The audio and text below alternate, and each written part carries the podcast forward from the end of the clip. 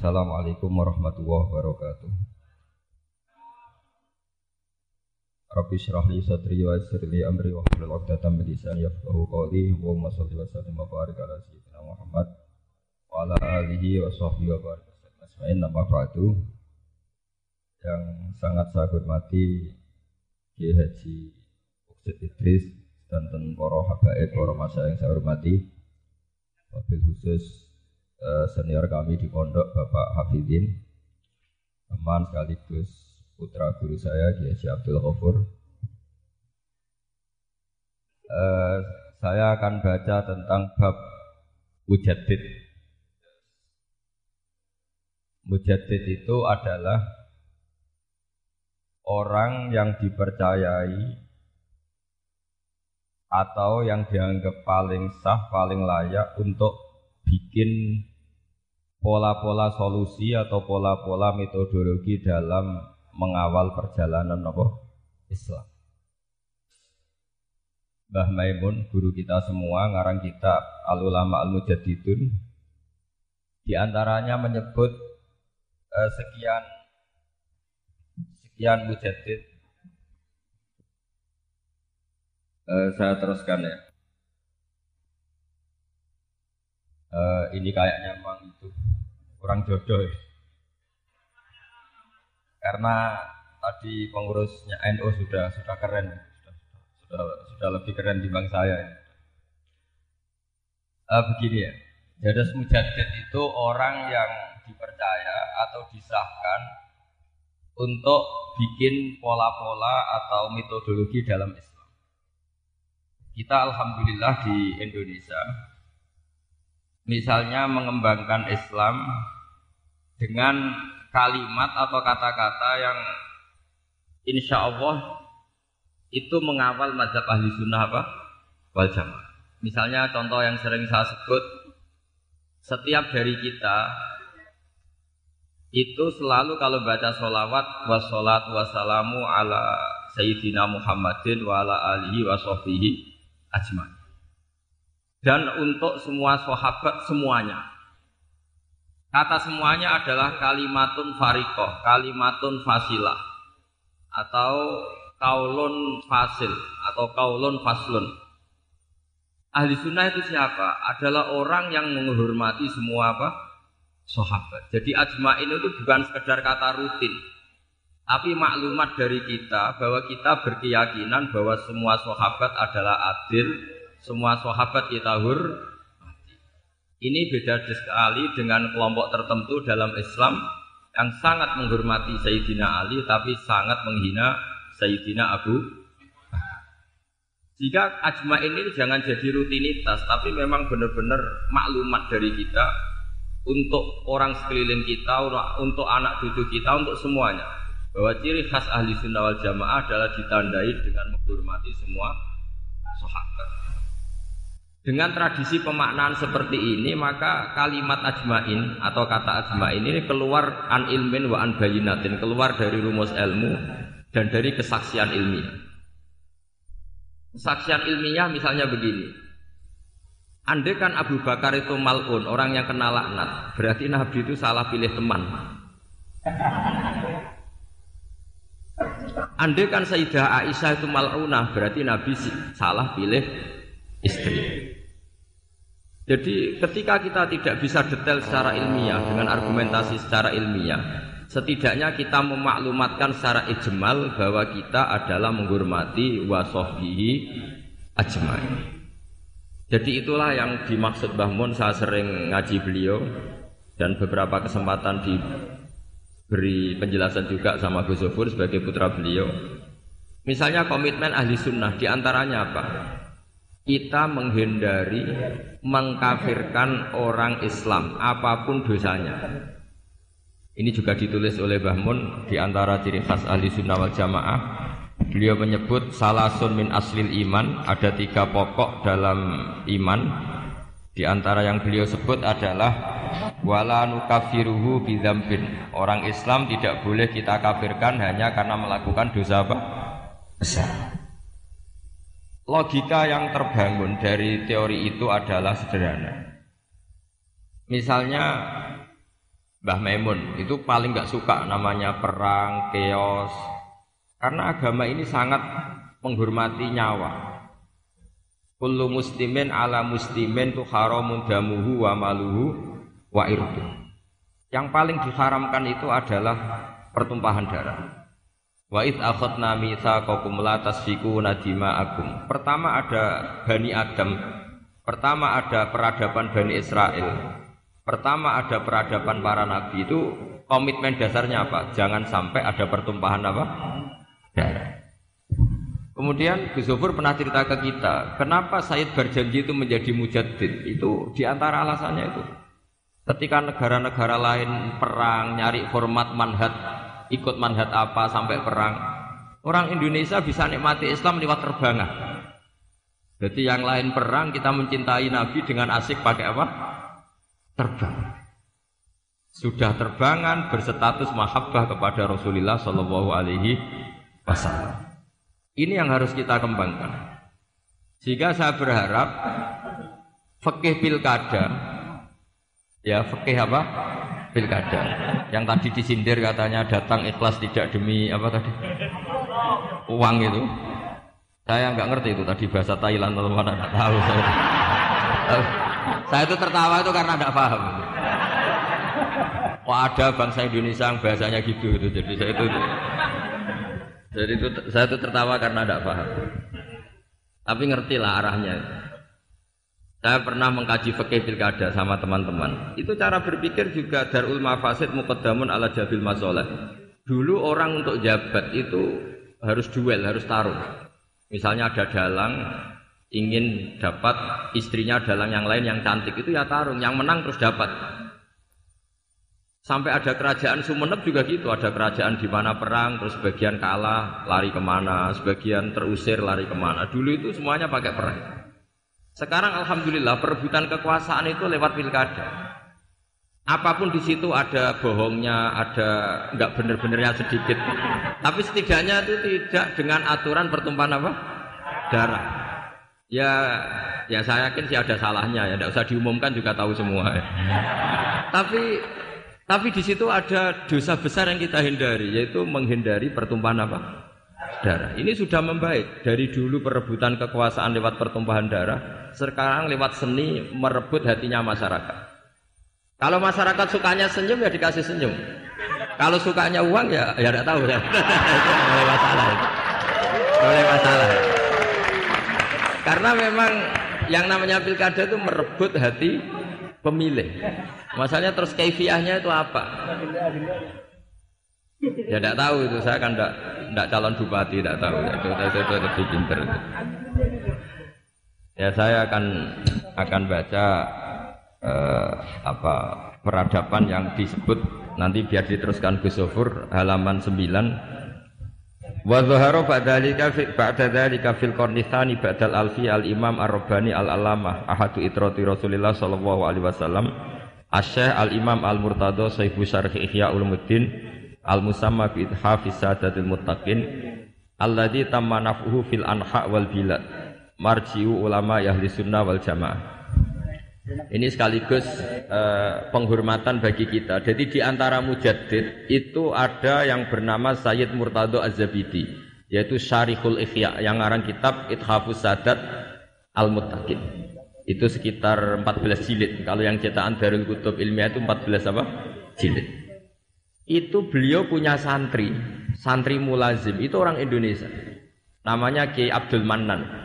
Mbah kandungnya Kiai Mahfud Termas jadi Mahfud bin Abdullah bin Abdul Manan.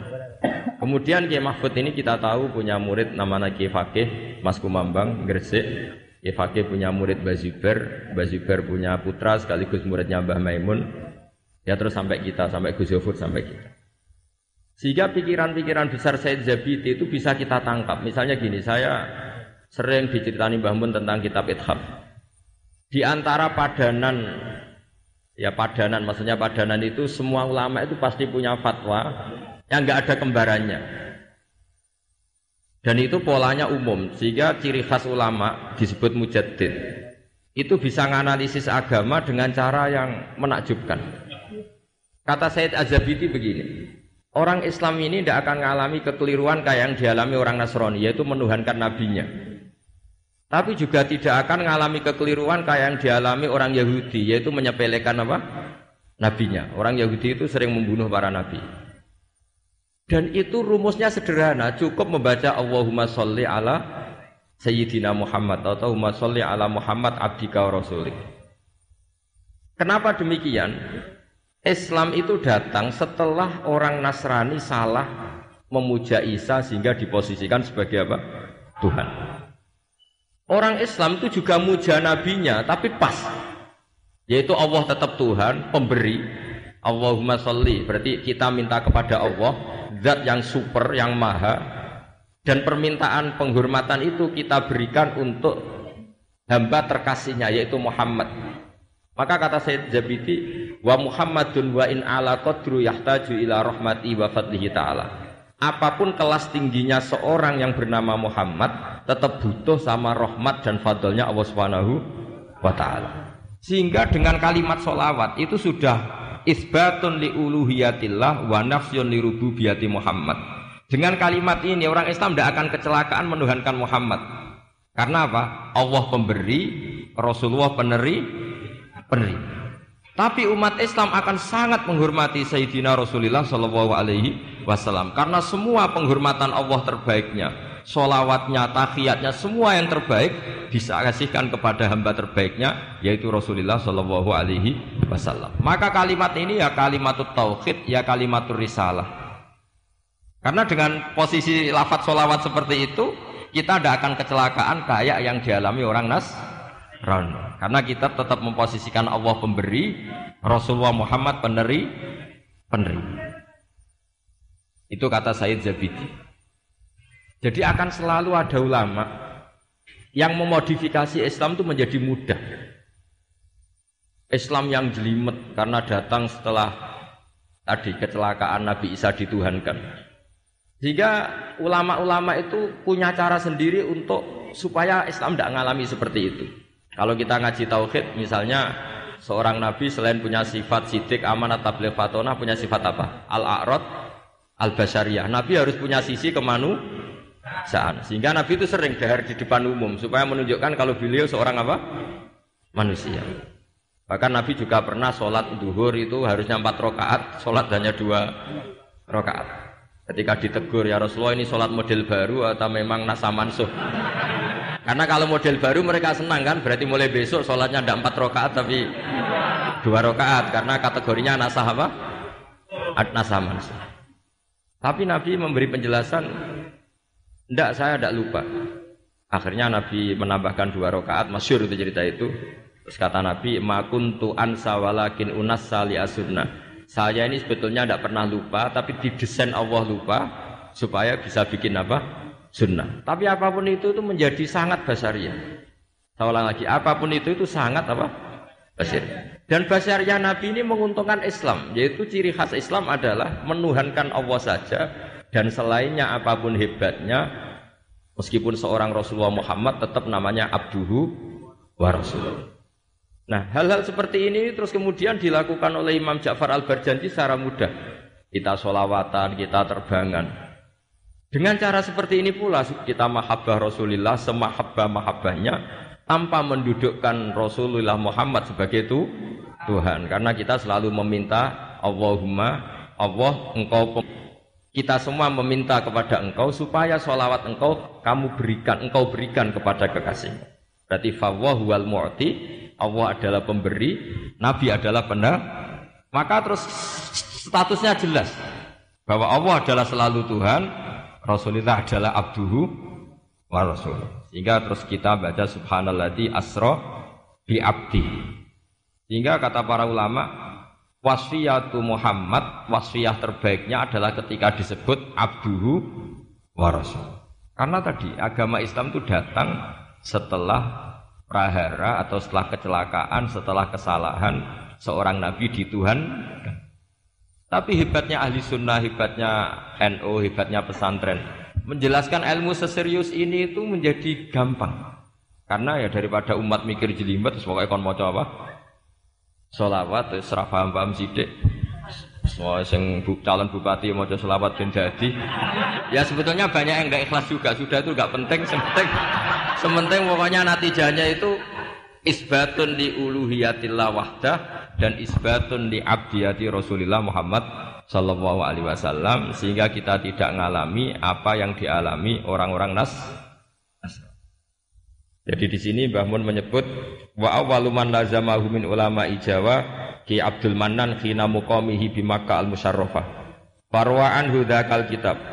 Warwa anhu ay an an Kiai Abdul Manan ibnuhu Kiai Abdullah. Tumarwa anhu ibnuhu Kiai Mahfud Atur-Musi atau Atarmasi. Farwa anhu Kiai Fakih Al-Maskumambangi. Warwa anhu tilmidhuhu walidi Kiai Zubair Tahlan. Tumarwaituhu anhu. Jadi kita sebagai bangsa Indonesia itu sangat mulia karena ikhya setelah dikarang sekitar tahun abad 5 Hijriah. Karena Imam Ghazali lahir tahun 450, wafat 504. Itu tidak ada yang bisa nyarai. Nggak ada atau nggak berani karena ini terkenal wali Imam Ghazali. Baru disarai itu 600 tahun kemudian oleh seorang sadat, seorang habib alim alama namanya Sayyid Murtado Azafi. Dan itu gedelalah di antara murid mulazimnya itu orang Indonesia, namanya Syekh Abdul Manan. Makanya saya masih ingat ceritanya Mbah Mun ketika Cordova guling, Andalusia guling. Saya masih ingat kalimatnya Mbah Mun. Allah gak terima nak wong sing maca tasbih itu berkurang. Itu terus digenti ning Demak Bintoro. Artinya ketika Andalusia guling di Spanyol itu berbarengan dengan berdirinya kerajaan apa? Demak. Dan sekarang polanya kelihatan sama. Dulu ulama-ulama Andalusia itu hebat-hebat, bisa ada Ibnu Malik ngarang Alfiyah, ada Imam Qurtubi ngarang tafsir Qurtubi, ada Imam Syatibi yang mengarang Kiroah apa? Sab. Indonesia juga tidak kalah kerennya. Siapa yang nggak tahu Syekh Nawawi Banten?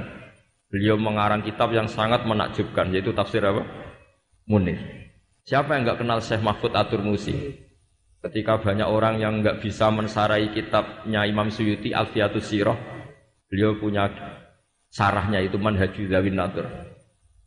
Dan paling masyhur sarah mukaddimah e, Al Hadromiyah juga milik beliau yaitu Anman Halul Amim atau yang terkenal dengan Hasyiah Atur Musiyah. Itu juga eranya Mbah Zubair karangannya banyak, Mbah Mun, Zofur juga punya naskah, punya karangan. Jadi Ketika Islam tidak di Mekah dan tidak berbahasa ibu bahasa Arab, ternyata melahirkan ulama-ulama top di Andalusia. Yang setelah Andalusia kalah, Allah mengganti ada di Indonesia. Masih ingat saja, jadi kata Mbah Mun, di antara uh, syarafnya kita lah, mulianya kita adalah ketika Andalusia guling itu berbarengan dengan berdirinya masjid apa? Demak. Dan setelah saya angen-angen, pola-polanya hampir mirip, yaitu melahirkan banyak pengarang-pengarang kitab. Kita tahu Syekh Khora Khalil ya punya naskah, semua ulama top-top kita punya naskah. Nah soal nanti naskahnya hidup apa enggak, itu kriminalnya murid-muridnya. Itu pasti. Loh betul itu. Masyur itu di kata Imam Syafi'i, Allah afqahu min Malik illa annahu doya'ahu ashabu. Imam Les itu ulama top sebetulnya secara fikih lebih alim ketimbang Imam Malik secara fikih. Illa annahu doya'ahu ashabu. Tapi murid-muridnya yang sembrono. Loh, coba misalnya mbah kamu alim ngarang kitab, putune alim, mesti dianggap jimat, tak jamin itu. Padahal itu bab istinja. Tapi tetap dianggap jimat. Ya gara-gara. Makanya saya berkomitmen sama Gus Zuhur untuk terus baca kitabnya Mbah Mun karena pasti murid top ndak itu terserah apa guru top ndak itu terserah muridnya. Itu sudah jelas. Halnya Bazuber, andekan tidak punya putra Bahmun, mungkin nggak serami itu. Orang tidak bahas Bazuber lagi, andekan tidak ada Bahmun. Andekan Bahmun tidak punya murid-murid, tak punya apa utamanya putra-putranya, mungkin orang tidak bahas Bahmun lagi suatu saat. Makanya kata Imam Syafi'i ketika komentari Imam Les, "Alles min Malik illa annahu doya'ahu ashabu." Imam Les itu lebih lebih fakih ketimbang Imam Malik. Imam Malik nasibnya baik, beliau punya murid top namanya Imam Syafi'i. Jika kitabnya Mudawan, Imam Syafi'i punya murid Imam Buaiti, Mudawan, Imam Muzani. Setelah itu ada Muhtasarul Muzani. Setelah itu di Muhtasar lagi oleh imam setelahnya. Ada Imam Rafi'i, ada Imam Ghazali. Setelah itu terus mulai Imam Haroman, Imam Ghazali, terus Minhajul Talibin, Imam Nawawi, terus sampai saya Zakaria apa? Al Ansori. Dulu namanya Kitab Om. Setelah itu jadi Muhtasarul Muzani. Setelah itu jadi Nihayatul Matlab fi Dirayatil Madhab di karang Imam Haromen. Setelah itu Imam Ghazali Al-Wasid wal Basid. Setelah itu Imam Rafi'i. Setelah itu Imam Nawawi. Setelah itu terus Imam Nawawi menamakan kitabnya Minhajut Tolibin. Saya Zakaria Ansori mengarang namanya Manhajut Tulab. Ya sama, pola-polanya sama. Tapi yang penting kitab ini tidak hilang. Saya sampai sekarang belum pernah tidak baca kitabnya Mbah Mun. Mulai Mbah Mun Sugeng sampai sekarang di murid-murid saya, di muhibin saya. Karena saya tidak ingin menjadi tersangka kayak anak buahnya Mbah Mun. Ya saya kira demikian. Assalamualaikum warahmatullahi wabarakatuh.